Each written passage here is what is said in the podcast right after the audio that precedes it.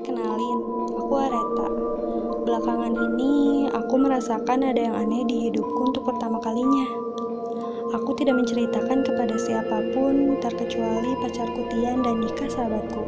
Namun, kali ini aku memberanikan diri untuk menceritakan kepada kalian.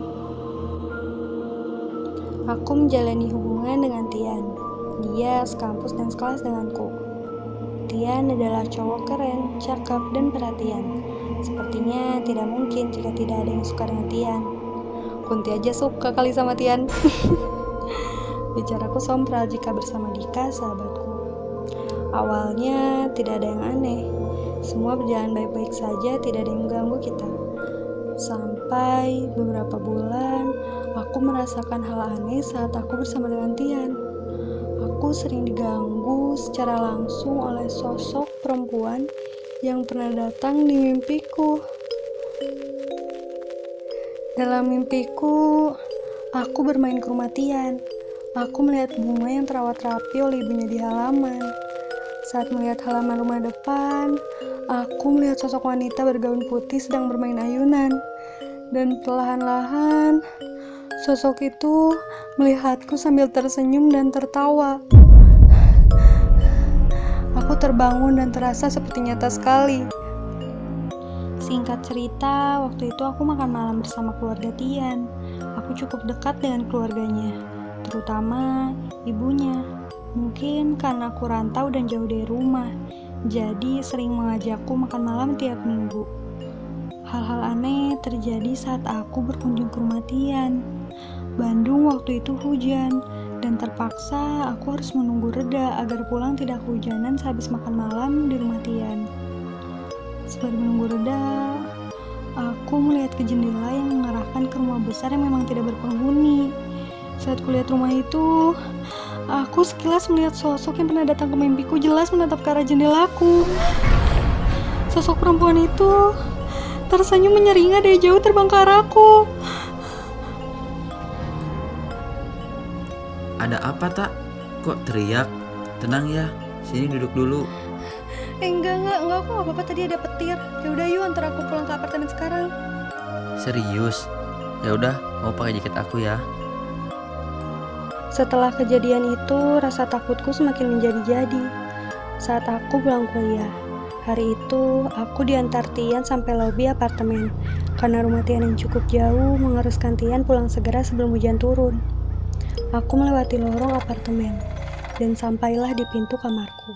Aku merasakan seperti ada yang mengikutiku. Awalnya aku berpikir positif, namun aku mendengar suara langkah kaki yang sangat jelas menghampiriku di belakang. Saat kulihat, ah, ternyata tidak ada siapa pun di sana. Tiba-tiba terdengar suara perempuan yang memanggil namaku.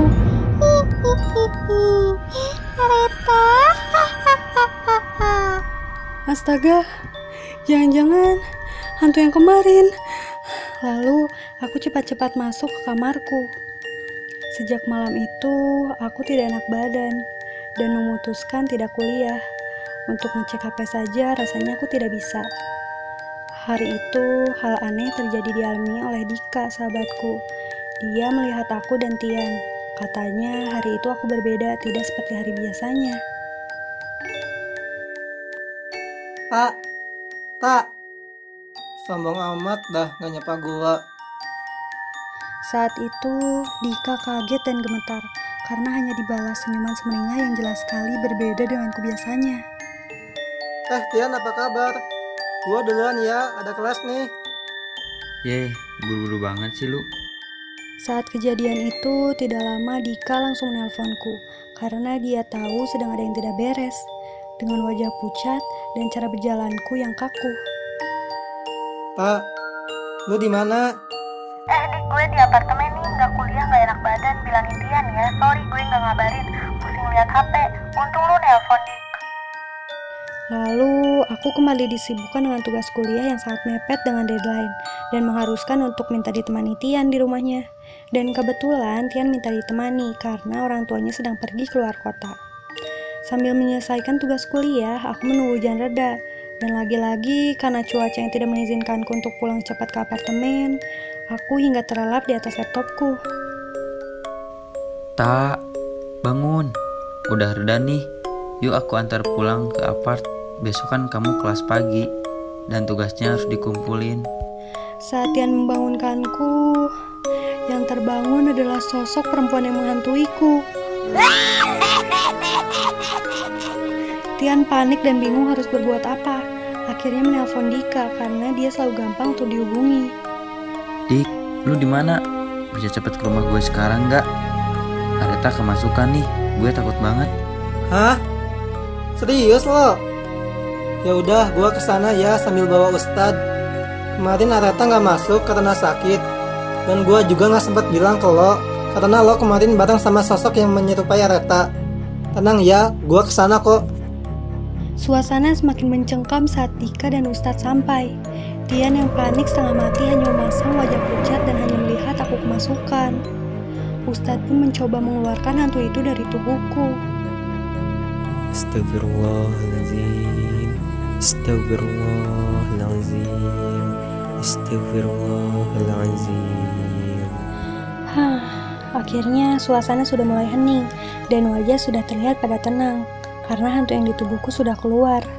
Ustadz pun menjelaskan apa yang sebenarnya terjadi kepada aku, Tian, dan Dika. Sosok ini adalah penunggu rumah kosong depan rumah kamu Sosok goib yang menyukai kamu Tian Dia menunggu Areta karena dia marah dan cemburu jika kamu dekat dengan wanita lain Dia sering menemani kamu jika sedang tidur Menemani mengerjakan tugas di kamar Menemani makan, bahkan hingga mandi Setelah kejadian ini, aku cukup trauma dan selalu terbayang sosok yang menggangguku. Memang tidak mudah, tapi terima kasih Tian dan Dika yang sudah membantuku. Aku mencoba beradaptasi dengan diriku yang dulu agar bisa kembali seperti semula. Aku menceritakan hal ini kepada kalian agar perasaanku lega dan ketakutanku berkurang. Terima kasih dan sampai jumpa.